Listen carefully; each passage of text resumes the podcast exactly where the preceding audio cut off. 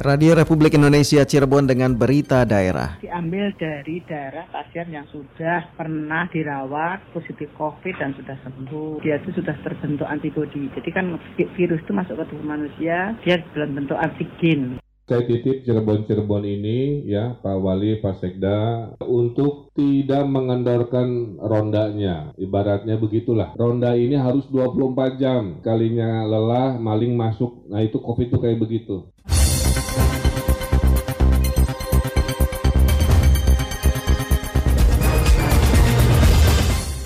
Terapi plasma darah convalescent merupakan salah satu alternatif cara menyembuhkan pasien COVID-19.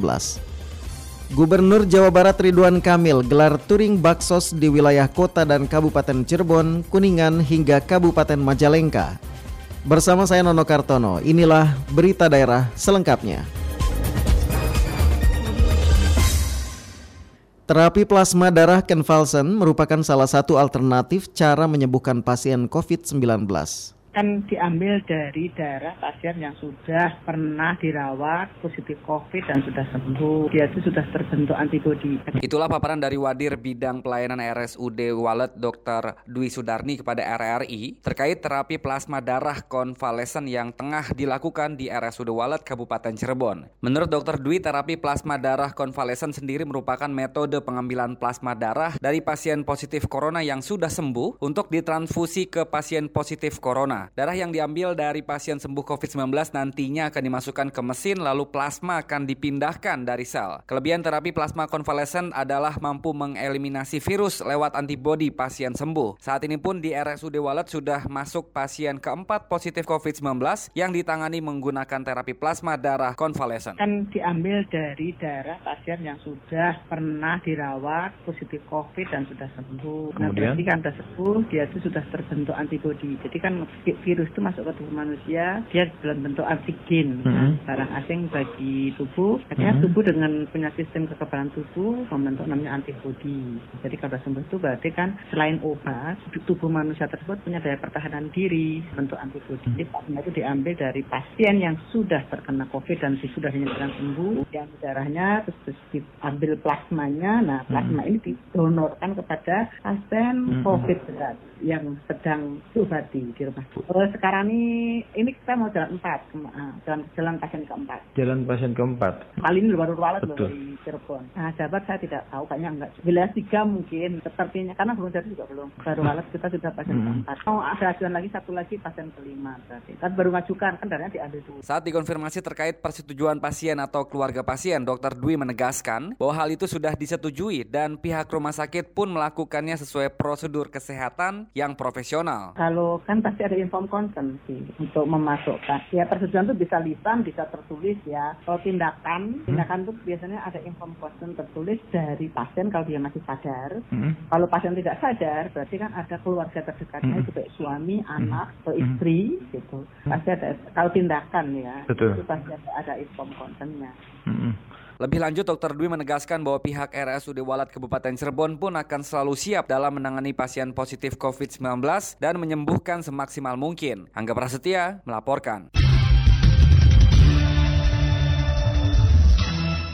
Berikut komentar masyarakat mengenai uji klinis terapi plasma yang berhasil dihimpun RRI. Saya Rodia Wayuni dari Bidan. Menurut saya tentang terapi plasma ini lebih ekonomis dan evaluasinya lebih cepat. Dan ini juga sudah digunakan di RSPAD Gatot Subroto dan keberhasilannya itu memang sudah banyak dan ini juga sesuai dengan ilmu kedokteran.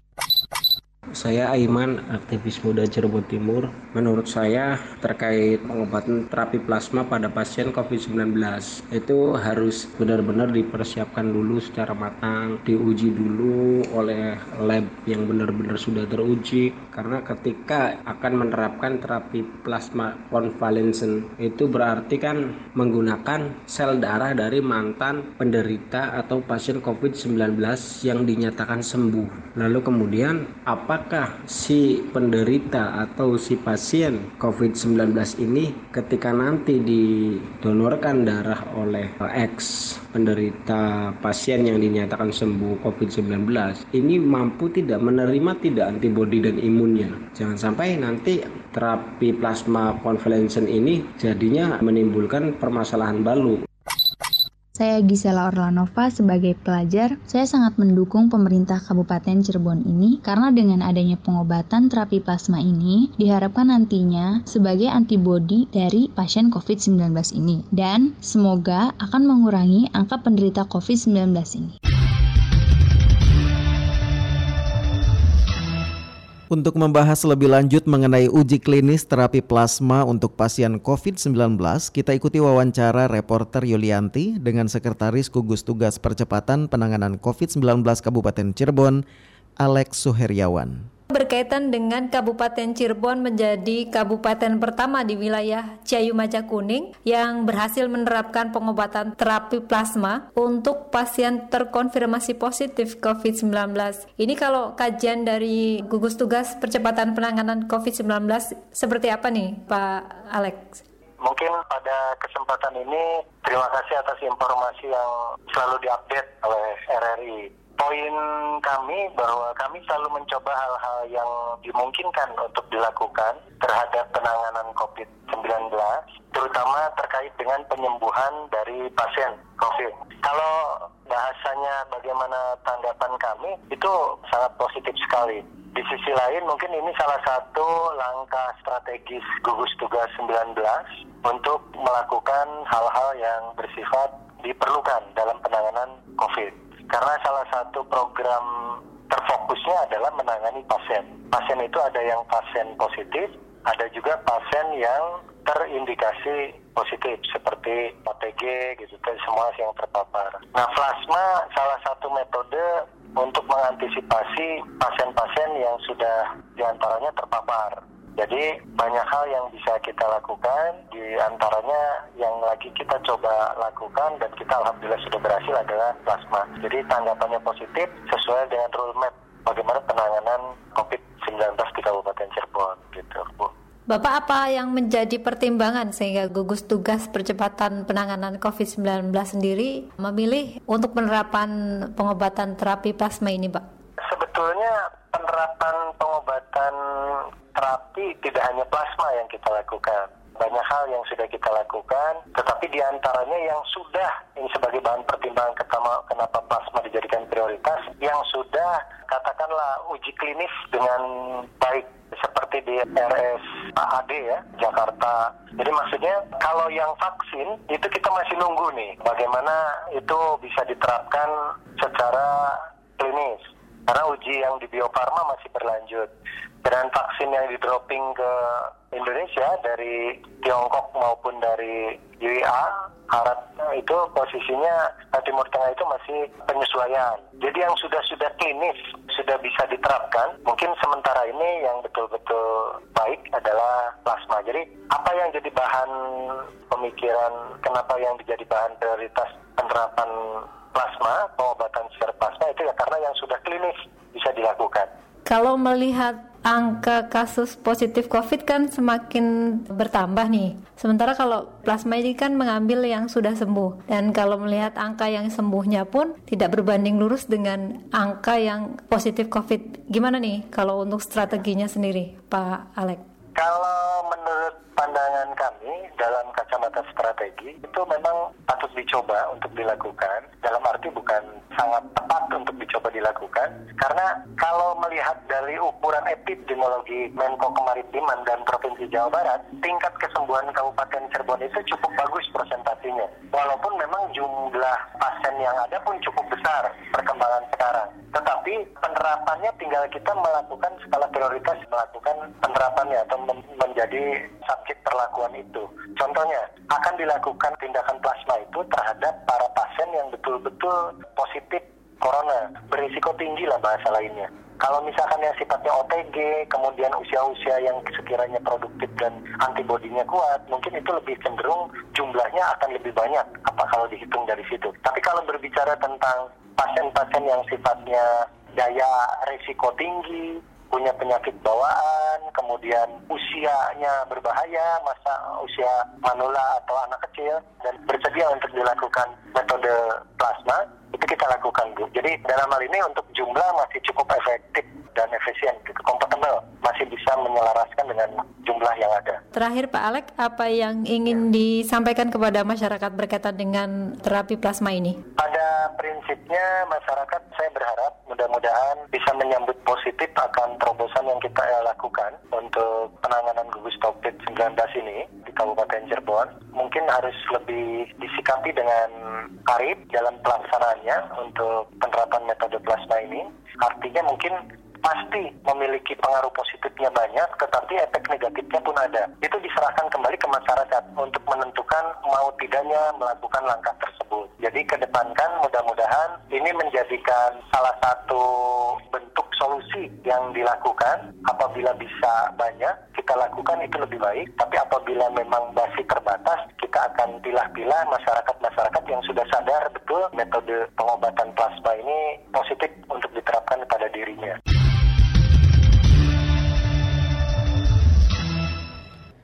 Gubernur Jawa Barat Ridwan Kamil gelar touring baksos di wilayah kota Cirebon, Kabupaten Cirebon, Kuningan hingga Kabupaten Majalengka. Laporan selengkapnya disampaikan Aji Satria. Pertama saya titip Cirebon-Cirebon ini ya Pak Wali, Pak Sekda untuk tidak mengendorkan rondanya. Ibaratnya begitulah. Ronda ini harus 24 jam. Di masa pandemi COVID-19, perekonomian tetap diminta untuk berjalan, namun gerakan 3M, yakni menggunakan masker, mencuci tangan, dan menjaga jarak tetap dilakukan secara maksimal. Hal tersebut diungkapkan Gubernur Jawa Barat Ridwan Kamil pada kegiatan bakti sosial Gubernur Jawa Barat bersama Forum Koordinasi Pimpinan Daerah Forkompinda Jabar di alun-alun Keraton Kasepuhan Kota Cirebon minggu kemarin. Menurut Ridwan Kamil, perekonomian bisa terus berjalan di masa pandemi COVID-19, namun yang paling utama adalah protokol kesehatan berupa 3M, yaitu menggunakan masker, mencuci tangan, dan menjaga jarak tetap dilakukan. Pada kesempatan itu, Emil juga mengungkapkan bahwa masyarakat yang terdampak ekonomi akibat pandemi COVID-19 di Jawa Barat tetap menjadi prioritas dan bantuan yang diberikan yaitu tahap ketiga dan keempat. Ridwan Kamil juga menitipkan pesan kepada kepala daerah di wilayah Cayu Majakuning untuk tidak melonggarkan ronda atau pengawasan secara maksimal. Pertama saya titip Cirebon-Cirebon ini ya Pak Wali, Pak Sekda untuk tidak mengendorkan rondanya. Ibaratnya begitulah. Ronda ini harus 24 jam. Kalinya lelah, maling masuk. Nah itu COVID itu kayak begitu. Di mana kita lelah pada saat kita tidak mengetes lebih banyak. Pada saat kita tidak tegas terhadap kerumunan. Pada saat kita kurang disiplin terhadap 3M. Itulah ibarat ibaratnya ronda yang lengah tuh di situ. Rumusnya sederhana karena penyakit ini senangnya ada di kerumunan yang tidak berjarak. Senangnya berpindah-pindah dari manusia ke manusia yang tidak diproteksi. Maka memang membosankan tapi hanya itu sambil tadi menunggu vaksin. Sementara itu, Wali Kota Cirebon Nasruddin Ajis mengapresiasi akan kunjungan kerja dari Gubernur Jawa Barat Ridwan Kamil dan rombongan di Kota Cirebon. Hal tersebut tentu menjadi sebuah energi untuk melakukan perlawanan terhadap pandemi COVID-19. Kunjungan Bapak beserta rombongan Forkominda Provinsi Jawa Barat ini akan mampu menjadi sebuah energi yang kuat bagi masyarakat si Ayu Majakuning untuk melakukan perlawanan terhadap pandemi COVID-19 ini. Kedatangan Bapak Gubernur beserta Ibu Atalia ke Kota Cirebon yang kemudian insya Allah merencanakan akan melakukan bakti sosial. Ini merupakan angin segar. Ini merupakan kekuatan baru bagi masyarakat yang ada di kota Cirebon, Kabupaten Cirebon, Kabupaten Kuningan, dan Kabupaten Majalengka. Untuk itu, sekali lagi kami atas nama masyarakat si Ayu Majakuning mengucapkan terima kasih dan selalu mendoakan Bapak Gubernur beserta Ibu serta seluruh Forkominda Provinsi Jawa Barat dalam keadaan selalu sehat dan selalu mendapatkan lindungan dari Allah Subhanahu wa taala. Dan kami berharap masyarakat kota Cirebon untuk tidak pernah menyerah di dalam menghadapi pandemi COVID-19 ini. Semoga Allah taala Tuhan yang Maha Kuasa terus melimpahkan kekuatannya kepada kita semua di dalam menghadapi cobaan ini. Amin ya rabbal alamin. Terima kasih kami ucapkan karena pada hari ini masyarakat Kota Cirebon akan menerima bantuan sosial, bakti sosial dari Jabar Bergerak. Subhanallah. Jabar Bergerak sangat terasa di masyarakat Kota Cirebon dan sekitarnya. Dan kami berharap melalui Jabar Bergerak ini masyarakat Kota Cirebon dan masyarakat Jawa Barat benar-benar juara. Kegiatan kunjungan kerja sekaligus bakti sosial di masa pandemi COVID-19 ini berlangsung unik dari kota Cirebon menuju Kabupaten Cirebon, Kuningan hingga Kabupaten Majalengka, di mana Gubernur Jawa Barat Ridwan Kamil beserta istri dan seluruh pejabat Forkompinda menggunakan sepeda motor dan dengan disiplin protokol kesehatan yang ketat. Aji Satria melaporkan. Gubernur Jawa Barat Ridwan Kamil bagikan tujuh mobil maskara di Kabupaten Cirebon. Gubernur Jawa Barat Ridwan Kamil membagikan sebanyak 7 unit kendaraan multifungsi Maskara atau mobil aspirasi Kampung Juara untuk tujuh desa di Kabupaten Cirebon kemarin di Gedung Deradian Gronggong Beber. Emil mengatakan mobil Maskara ini diberikan kepada desa-desa mandiri yang ada di Jawa Barat. Pada tahun 2020, ada sebanyak 120 desa yang akan mendapatkan bantuan mobil Maskara. Para kepala desa saya ucapkan selamat, Anda adalah orang-orang hebat kepala desa karena yang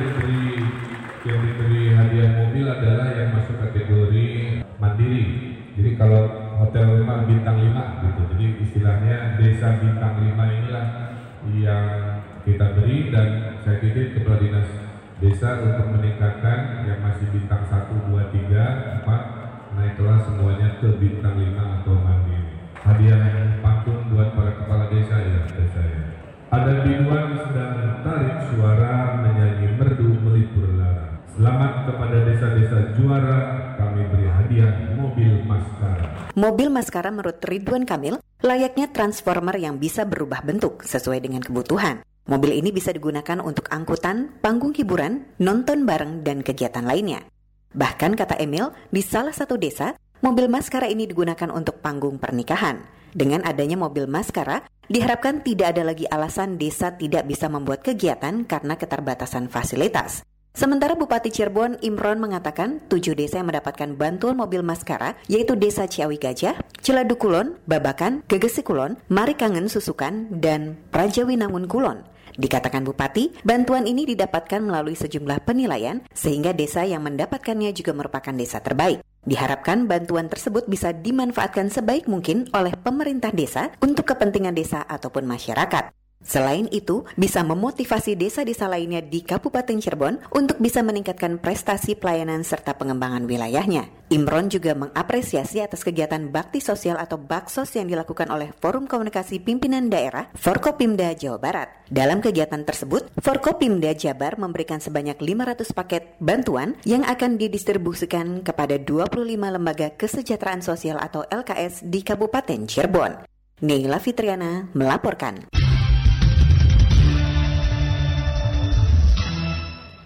Kasus terkonfirmasi positif COVID-19 di Kabupaten Cirebon bertambah sebanyak 44 orang, sehingga total jumlah dari awal hingga kemarin terdata mencapai 662 orang.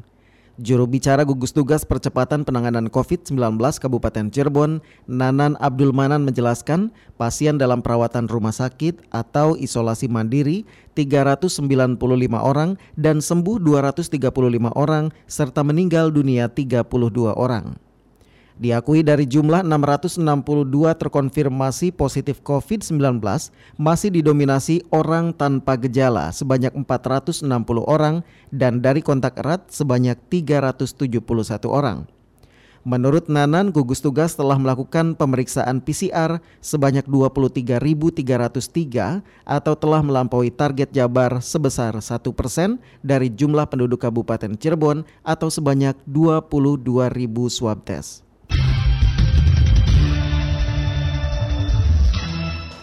Pemerintah desa diminta melakukan pengelolaan sampah di wilayahnya.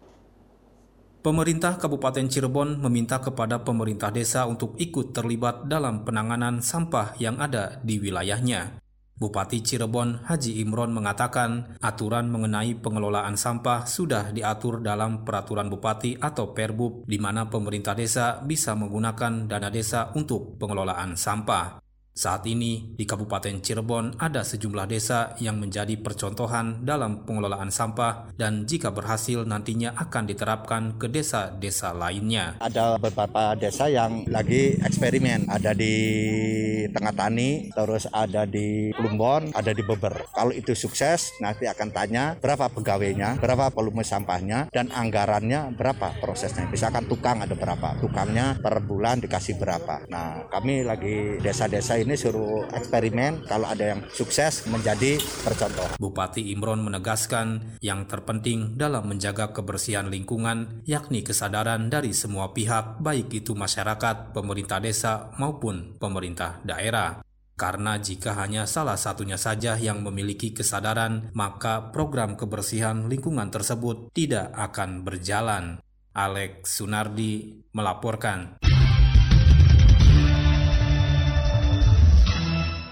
Kami sampaikan berita olahraga. Berita olahraga. Berita olahraga. Tim pelatih sepak bola Kabupaten Cirebon hari ini rencananya akan mengumumkan 25 pemain inti tim BK Porda Kabupaten Cirebon. Pelatih Kepala Tim Sepak Bola Kabupaten Cirebon Aris Santoso kepada RRI mengatakan 25 pemain tersebut merupakan yang terpilih berdasarkan penilaian jajaran tim pelatih dari 60 pemain yang mengikuti seleksi tahap akhir. Setelah ditetapkan, ke-25 terpilih akan langsung melakukan training center atau TC dengan intensitas latihan yang lebih ditingkatkan meski di tengah masa pandemi COVID-19. Aris pun optimis bisa membawa tim sepak bola Kabupaten Cirebon lolos ke babak utama Porda, terlebih skuad yang dimiliki memiliki kualitas yang cukup mumpuni untuk bisa bersaing di Jawa Barat. Informasi olahraga tadi mengakhiri berita daerah pagi edisi Senin 21 September 2020. Sampai jumpa.